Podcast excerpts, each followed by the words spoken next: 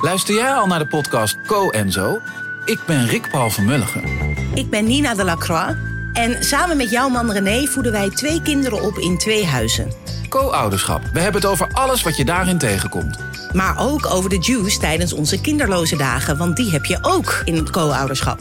Een podcast voor alle ouders in alle vormen, maar ook voor alle mensen zonder kinderen. Zijn we eerlijk, heerlijk herkenbaar. Dus luister naar Co en Zo in je favoriete podcast-app.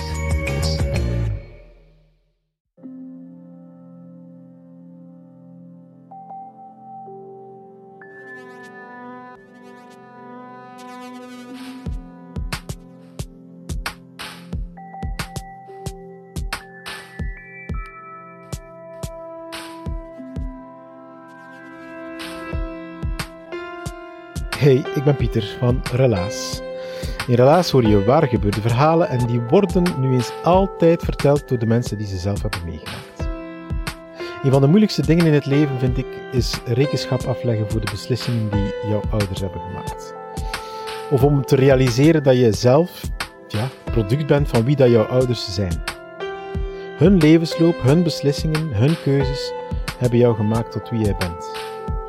En dan zie je mensen die hun eigen identiteit ontwikkelen en zich heel bewust distancieren van wie hun ouders zijn en wat ze beslist hebben in het leven. Maar omgekeerd ook mensen die volwassen worden en dan inzien, ja, waartegen ik mij als adolescent heb afgezet, mijn ouders, ja, misschien was dat helemaal niet zo nodig. En kan ik nu later, nu ik wat groter ben en ouder ben en wijzer ben, kan ik nu omarmen wat mijn ouders toen hebben beslist voor mij.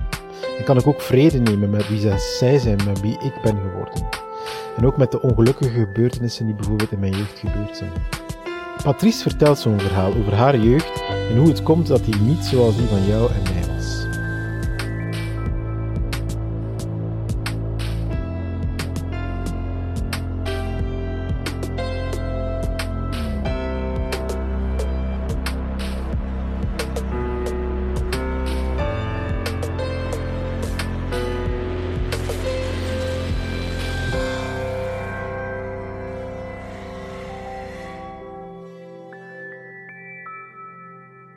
Mijn moeder, um, dat was een Duitse. En ik ben ook uh, geboren in Duitsland. Um, mijn moeder was de dochter van een hoogstaande Duitse militair uh, in de tijd van Hitler.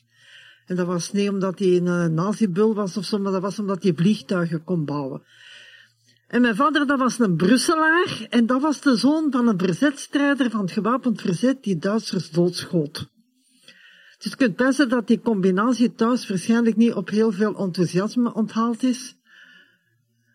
Maar um, dan niet alleen, hè. mijn vader was militair en het was toen ook zo nog niet gemakkelijk om te trouwen met de dochter van de vijand. Alhoewel, ik ben geboren in 58, toch al een tijdje na de oorlog. Um, heeft dat toch lang geduurd voordat hij eindelijk een uh, toelating kreeg om met mijn moeder te trouwen. Waardoor ze haar grote ideaal van als maagd te trouwen, was ze ook tegen mij altijd in mijn oor gedrukt heeft dat ik dat moest doen. Hè. Dat ze dat eigenlijk niet volgehouden heeft en dat ik, uh, als ze trouwde, dat ik dan enkele maanden later uh, geboren werd. En we gingen wonen in Keulen, waar mijn moeder ook woonde. Die was gevlucht van uh, Noord-Duitsland, in Keulen. En daar woonden wij in dat Belgische Vetel. Dat is eigenlijk de Belgische wijk. En je kunt je dat zo'n klein beetje voorstellen. Je hebt hier ook zo van die wijken waar heel veel mensen van andere origine wonen. En die hebben daar een bakker hè, van hun thuisland en een supermarkt en een kapper. En dat was er ook zo. Had er een uh, supermarkt waar je Belgische producten kon kopen. En de kapper, dat was ja, met een militaire kapper ook altijd. En ook mijn school, dat was de militaire school Generaal Humé. En dan kregen wij les in Nederlands en in het uh, Frans. En dat had ik geleerd, gelukkig, hè, bij mijn grootmoeder in Brussel, waar ik de eerste vijf jaar van mijn leven, voordat ik dan het eerste studiejaar moest, uh, heel veel uh, geweest was, had ik dan Nederlands en Frans geleerd en Duits van mijn moeder. Maar goed, dat Belgische Viertel, je het al, de militaire school, daar was alles zeer militair georganiseerd. Want een militair zetten niet zomaar van 9 to 5. Hè. Dat is eigenlijk, dat zetten altijd. Ook als jij in je zwembroek zei, zijn je nog altijd een militair. Hè? En heb je nog altijd te groeten als de kapitein, hè, die een hogere staat jij of zoiets, hè, in zwembroek er komt, dat je nog altijd te groeten. Die, en zo kwam het ook. Dus we hadden daar een woning. Iedereen, de BST heette dat, de Belgische strijdkrachten van Duitsland. Uh, we kregen daar een uh, gratis woning ter beschikking. En die officiers hadden natuurlijk een mooiere woning dan wij. En zo waren er nog wel een aantal dingen. Hè. En eigenlijk, uh, maar eigenlijk in die school zelf, die kinderen onder elkaar, wij waren er niet mee bezig. Want wel, wij vroegen nooit niet, misschien sowieso uit interesse, wat is uw papa? Hè? En dan zeiden we dat tegen elkaar. Maar het maakte ons eigenlijk zo niet uit wat voor een gat dat hij had of zo. Als we overeenkwamen, dan speelden we met elkaar. Hè. Maar uh, wat er wel, allez, wat er wel zo mij nog herinner, ik was dan uh, in het eerste studiejaar en ik was de eerste van de klas. Hè. Ik kreeg dan vier boeken en uh, ja, ik ken natuurlijk heel vier als een de eerste van de klas. Maar mijn papa die was sergeant-majoor. En Karineke, dat was de dochter van een majoor. En dat was ook de eerste en de laatste keer dat ik de eerste geweest ben. Vanaf dan had Karineke altijd 0,25% meer dan ik. Dat kwam niet door Karineke, dat kwam waarschijnlijk door de papa die gereclameerd had dat de onderofficier uh, zijn kind hogere punten had gekregen. Dus het was gedaan met vier boeken krijgen, ik kreeg er dan nog drie. Nu, um, voor mij heel dat wonen in zo'n uh, gemeenschap, um, je moet pakken, ja, dat is echt een enclave in een Duitse, uh, plak bij Keulenpoort, dat was zo'n buitengemeente, dat is echt een enclave. Um, maar omdat ik goed Duits sprak, had ik Duitse vriendinnen, en ja, en Frans en Nederlands sprak ik ook. Dus ik gebruikte die talen allemaal zo door elkaar. En eigenlijk in Brussel was dat ook zo, sprak ik ook Nederlands en Frans, dus voor mij was dat eigenlijk de doodnormaalste zaak van de wereld, hè, dat al die talen door elkaar gesproken werden. En ik had eigenlijk zo een gevoel van uh, geluk en vrede, hè, zo, allee, dat dat zo was, hè, dat was allemaal vrij oké. Totdat ik dan, uh, ja, op een dag, mijn moeder die vindt uh, werk bij Pepsi Cola. Um, en die moet om vier uur s'avonds beginnen. En ik had altijd op school, maar ja, omdat mijn papa niet kon koken, ging zij dan smiddags koken. Dus ik moest smiddags over komen. En wij liepen eigenlijk, uh, maar we hadden zo echt het laatste appartement vlak voor het Duitse stuk, hè, dus dat Belgische Vriezel stopte achter ons. En we liepen eigenlijk altijd zo samen naar school en dat vertrok dan bij ons als laatste huis. En dan liepen wij in zo'n mega U, dat was een mega omweg ook, naar school. En ik had me altijd afgevraagd, waarom doen we dat? Maar het enige wat ik kon bedenken, dat wij onderweg nog wat kindjes moesten ophalen en dat dat daarmee was. Maar ja, die middag dus, ik loop naar huis, um, via die u, hè. Um, maar als ik gedaan had met eten, met mijn boekentasken op mijn rug, stap ik uit die voordeur en eigenlijk, als ik zo keek, zag ik die school al op het einde van de straat. Ik moest gewoon de straat oversteken, doorlopen, nog een straat over, en ik was in school. Maar dan moest ik door de Duitse buurt eigenlijk, hè. En dus ik stap met mijn boekentas door die Duitse buurt. Dat zit er helemaal vol met mensen. Dat waren allemaal zo appartementen met gemeenschappelijke tuinen. was er ambiance en zo. Hè. En uh, ik stap er met mijn boekentas en ineens staat er de ene voor mij. Zo ongeveer drie koppen groter dan ik, vijf keer zo breed dan ik. En die heeft een hark vast. En die houdt die hark zo boven mijn kop. En die zegt, du bist een Belgier. Ik moet niet beschrijven hoe schrik dat ik had natuurlijk. Hè. Um, Zo'n grote gast die voor mij stond. En ik wist ook dat ik niet te lang schrik mocht hebben, want dat anders die hark op mijn kop ging uh, hang, allez, geklopt worden. En ik kende mijn beste Duits. Op dat moment was dat ideaal. Mijn Duits, mijn uh, moedertaal was en niet alleen Duits, ook dat Kuls dialect. Hè. Ik zeg, nou, ik ben een België mens. Uh, oh. ik kan die mensen overtuigen van die hark niet op mijn kop te kloppen. Mijn hart bonste natuurlijk wel uit mijn lijf, maar wat mij vooral heel hard op dat moment geraakt heeft, is ja, die kleine stad daar, daar ja, zijn een hele hoop volwassenen.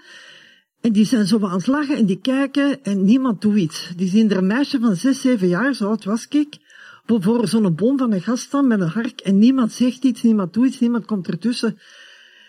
En ja, ik, ik werd eigenlijk enorm bang. Ik was eigenlijk heel zwaar in shock. Ik ben dan uh, verder gestapt. Ik dacht, ja, ik mag niet te rap stappen, want uh, anders gaat hij denken, die is schrik, dat is toch een Belg, hè? Maar zo dat ik dacht, die zien me niet meer, ben ik natuurlijk gelopen.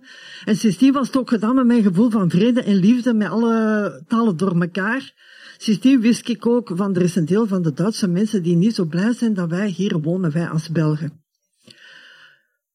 Ik ga u heel die geschiedenis niet vertellen. Hè. Het heeft te maken met bezetting en de oorlog in CSA. Hè. Dat moet je maar eens opzoeken op uh, Google. Um, Maar laten we, nogal, laten we zeggen dat dat nogal misschien wel late aanhangers waren van uh, het Dritte Reich dat dat niet doorgegaan is. Hè.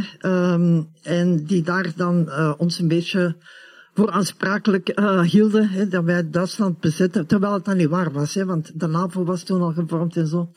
Zwat, de 17 augustus 1967 verhuisden wij naar België. Dat mijn grootmoeder wilde dat ik in een nonneschool ging, uh, bij meisjes alleen maar. Um, en dat was mijn groot, twee grote leerlingen, leerlingkamejons. En ik was, enerzijds was, vond ik dat wel jammer, mijn vriendinnen achterlaten en zo. Maar anderzijds dacht ik, oef, ik ben van die Duitsers af. Hè. Ik ben Belg onder de Belgen, uh, eindelijk, hè, um, rust en vrede. Mooi niet natuurlijk. Hè. Wij woonden daar, uh, we zijn in Hoboken gaan wonen, vlakbij de metallurgie. Waarschijnlijk kennen jullie dat nog wel. Daar zoekten dat ook maar eens op, uh, op Google. Hè. Een, berucht, een berucht bedrijf. Um, heel volkse buurt. En ik had dat woord de mof wel al een keer horen vallen. Zo. Ik voelde wel af en toe wel zo'n zekere spanning. Maar dan moest ik naar het Sint-Agnes Lyceum. Met zo'n wollen muts op. Ik ben allergisch tegen wol. Een wollen kleedje aan. Een plastieke kool. Dus ik voelde mij er al vreselijk om er naartoe te gaan. Maar uh, ja, ik was ook een, niet zo'n uh, sociaal kind. Ik ben dat nog niet echt. Hè. Dus, maar ik had toch wel wat vriendelijkjes van mensen waar ik mee kon praten. En dat was eigenlijk ja, in het begin praten die met mij en dan zo in één keer was dat gedaan. Maar dat was niet zomaar gedaan. Dat was precies of ik had de builenpest. Ik kwam daar binnen en ja, die, die, die waren gewoon weg en die legden nog niks uit. En, en dat gebeurde zo twee, drie keer en dat was het helemaal gedaan. Dan had je geen vriendinnen meer. Dus ik zat helemaal alleen op die koer te hinkelen op zo van die betontegels. Ik voelde mij verschrikkelijk eenzaam, voelde mij verschrikkelijk triestig, onmachtig ook, omdat ja, ik had niks gedaan, er was geen ruzie geweest. Um, ik begreep er eigenlijk helemaal niks van. En in de tweede trimester komt er een Hollands meisje, en je weet ook wel, sommige Antwerpenaren kunnen Hollanders niet uitstaan. Hè. Een kies, er komt een kieskop, hè. Speelde ook niemand niet mee, dus dat was ideaal, dan kon ik daarmee spelen. En we kwamen eigenlijk wel heel goed overeen. Niet alleen uit, noodzaak, maar allee, dat klikte heel goed. Zover dat ik uitgenodigd word tot een familiefeest in het derde trimester dan al, bij Svea thuis. En ik kreeg toen uh, 100 frank, dat is 2,5 euro per maand, uh, zakgeld. Dat, was, dat toont weinig, maar in de tijd was dat nog iets meer. En ik had er een cadeautje van bijeen gespaard. Hè. Uh, en ik fiets met dat cadeautje naar Svea eigenlijk ah, compleet een euforie. Eindelijk heb ik een vriendin. Eindelijk mag ik ergens gaan spelen. Um, allee, ik kon mijn geluk eigenlijk niet op. Hè. En de mama van Svea doet de deur open. En die bekijkt mij en die zegt uh, in het Hollands, sodomieter op. Ik kan, ik kan geen Nederlands zijn, maar ze zegt van, mijn, mijn vader heeft twintig zweepslagen gekregen van de Duitsers. Ik wil niet dat Svea nog met u speelt. Ik ben, ja, ik ben toen naar huis gereden, mijn ogen vol met tranen. Ik, ik weet eigenlijk nog amper hoe dat ik gefietst ben. Op dat moment wist ik dat ook niet. Het begon dan nog te regenen om het drama nog wat groter te maken. Ik kom er thuis natuurlijk met een compleet doorweegd cadeauke, uh, heel mijn wereld ingestort. En toen dacht ik al van, ja, dat is nu toch straf. Nu ben ik hier in België en ja, nu is het precies een probleem dat ik een Duitser ben. En natuurlijk wist ik wel dingen van de oorlog. Hè. Mijn ouders hadden erover verteld en en mijn grootouders en zo. En dan, uh, ja, het was dan zo tegen, uh, ja, tegen nieuwjaar aan, denk ik, uh, beginnen mijn ouders te denken dat mijn moeder toch moet gaan werken, uh, omdat ze ja, Duitsland gratis gewoond. In ieder hadden ze iets gekocht, moeten afbetalen. En mijn mama, die nog niet zo goed Nederlands kan, die uh, wil job zoeken. Die denkt, ik ga een low-profile job nemen, hè, wat ik Nederlands kan leren. En ze hadden gezegd, ga bij de Joden. Want die betalen goed en die zijn vriendelijk. We hebben dan van die annonsjes uitgescheurd uit de krant. Er was toen wet op privacy, dat gold nog niet. Hè. Dat was uh, kuisvrouw gezorgd, Belgelij 492. Uh, door dat en dat uur belt u dan aan. Uh, alles erop en eraan stond in de krant. Hè. Dus wij scheuren die uit. En ik ga mee met mijn moeder, omdat ik Nederlands kan. En uh, ik herinner me, ik ben er vandaag nog voorbij gereden met een tram trouwens, dat herenhuis. Hè. Ik herinner me dan nog heel goed waar dat was. Uh, komt iemand open doen, dat bleek de mij te zijn. Ik laat de annonsje zien, ik doe de uitleg, mijn mama zoekt werk. Hè. Ja, maar ja, wacht, maar dan komt, komt een heel vriendelijke vrouw. Uh, ik doe weer die al die uitleg. En ja, die begint aan mijn moeder natuurlijk te vragen. Waarschijnlijk, heb je ervaring of zoiets, hè? En dat had mijn moeder, die deed niet anders dan kuisen. En die begint dan zo'n beetje hakkelig in Nederlands uit te leggen natuurlijk, wat ze geleerd had. En die Joodse vrouw, die zeer vriendelijk was, zei, ja, sorry, nee. Ik kan u niet aanpakken, want jij bent Duitse. En dat gaan we niet doen. En we zijn al die adressen, want ik zeg dat van allemaal Joodse mensen, omdat ze dat ons aangeraden hadden, we zijn al die adressen afgelopen en dat is overal zo gegaan. En dat ging van dit tot echt die deur voor onze neus dichtkloppen. En thuis, um, ik zat natuurlijk vol met vragen. Thuis heeft mijn moeder dan verteld over de concentratiekampen en van die dingen. Um, en die kon heel uh, schilderachtig vertellen. Dus ik kon dat ook heel goed voorstellen hoe vreselijk dat dat geweest was. En ja, dat wij Duitsers, alleen een half stukje van mij daar ook mee verantwoordelijk voor was. Maar ze vertelde ook over haar uh, jeugd. Hoe dat zij als uh, meisje in Noord-Duitsland, um, ja, mijn grootvader had uh, Russische krijgsgevangenen geholpen, de tip gekregen, vlucht, um, de Russen gaan komen. Hoe zij zich had moeten verstoppen om die verkracht te worden als vijf, zesjarige. Hoe dat haar hond was doodgeschoten. Dus dat verhaal kreeg ik ook. Je kunt er heel veel filmpjes op vinden, over vinden op YouTube trouwens, over dat stukje van de oorlog. Maar ja, dat laatste, ik vond dat heel erg, maar dat eerste vond ik nog erger. En toen dacht ik, oké, dat hele Duitse stuk, dat moet ik eigenlijk gewoon wegstoppen. Wat dat deugt langs geen kant. Dat heeft van alles uitgestoken. Ik mag dat tegen niemand niet meer zeggen.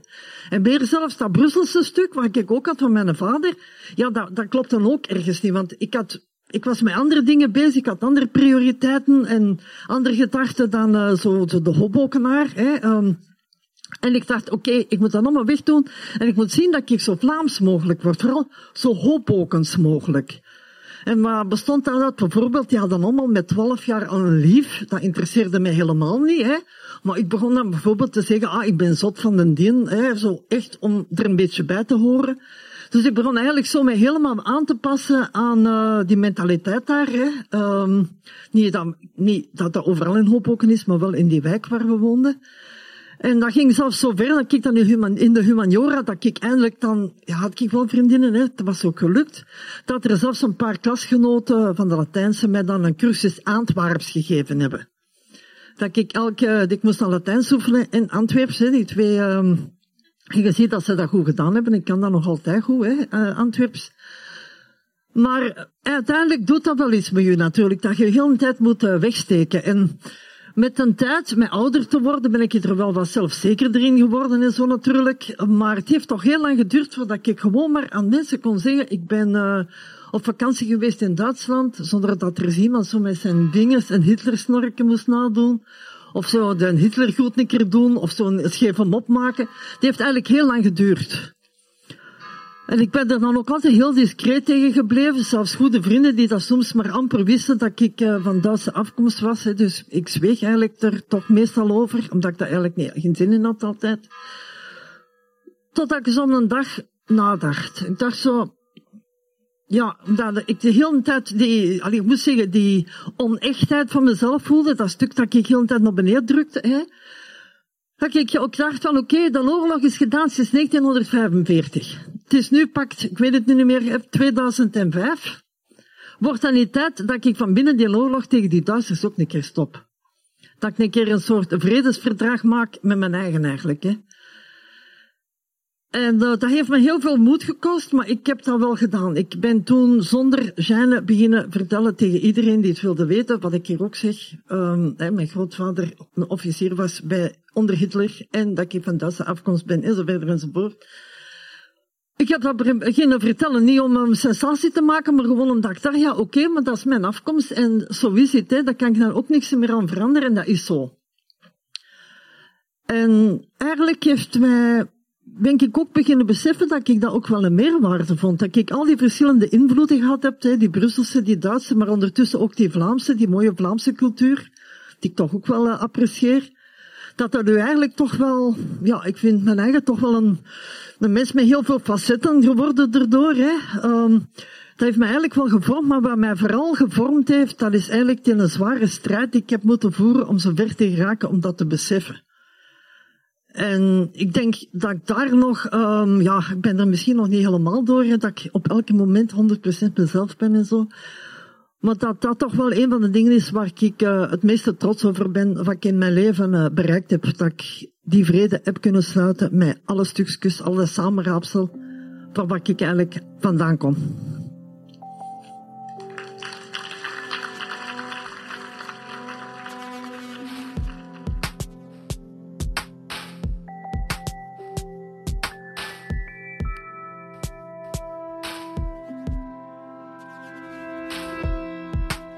Dat was het relaas van Patrice. Ze heeft het verteld op Hoogmis in Antwerpen. Dat was tijdens de zomer van 2021. Tussen ons gezegd en gezwegen, Patrice, dat is een bijzonder geval. Niet alleen voor de vrouw die ze is, maar wel om wat ze voor relaas betekent. Patrice is een van onze relaas verhalen coaches. Zij helpt jou stap voor stap mee om je verhaal vorm te geven tot het klaar is om het op relaas te brengen, live. Maar daarnaast is ze ook een trouwe verteller op relaas. Zeker tijdens de coronaperiode, we spreken over 2020, 2021, toen was Patrice elke week trouwe post op onze Relaas Verhalen Carousel. Dat was de mini-editie van Relaas, online, elke zondag op Zoom. En toen wist je zeker, ja, de avond zal niet rond zijn zonder dat Patrice een verhaal verteld heeft. En die verhalen, man, man, man. Het ene was nog zotter dan het ander. Tot op het moment dat je zelfs denkt van, hoe kan dat nu? Dat die Patrice zo'n leven bij elkaar geleefd heeft. Een bijzondere vrouw, echt waar. Je kan ze ontmoeten als je zelf een verhaal wil vertellen en graag op een Antwerps podium wil belanden, dan is de kans groot dat je Patrice als verhalencoach krijgt. En als je graag eens naar een van de relaasavonden komt luisteren, dat kan ook. Op onze Facebook en op onze website vind je de volgende relaasavonden, die staan mooi op een lijstje. De kaartjes zijn bijna altijd heel snel de deur uit, dus wees zeker op tijd als de voorverkoop start om erbij te zijn en zo je ticket te bemachtigen. Mensen die er waren, die hebben er bijna nooit spijt van. Je kan dat ook zien op onze foto's, hoe ze ervan genieten. Check maar eens op onze Facebook. Dankjewel om te luisteren. Als je dit verhaal tof vond, stuur het dan zeker door naar iemand aan wie dat je moest denken toen je het hoorde, bijvoorbeeld. Je helpt ons daar enorm verder mee en ook de persoon aan wie dat je stuurt. Dankjewel ook aan de relaasvrijwilligers om te coachen, om op te nemen, om te monteren, te communiceren meer. Jullie zijn ongelooflijk. En onze relaasvertelavonden die blijven er zijn dankzij de afdeling cultuur van de Vlaamse gemeenschap en van de stad.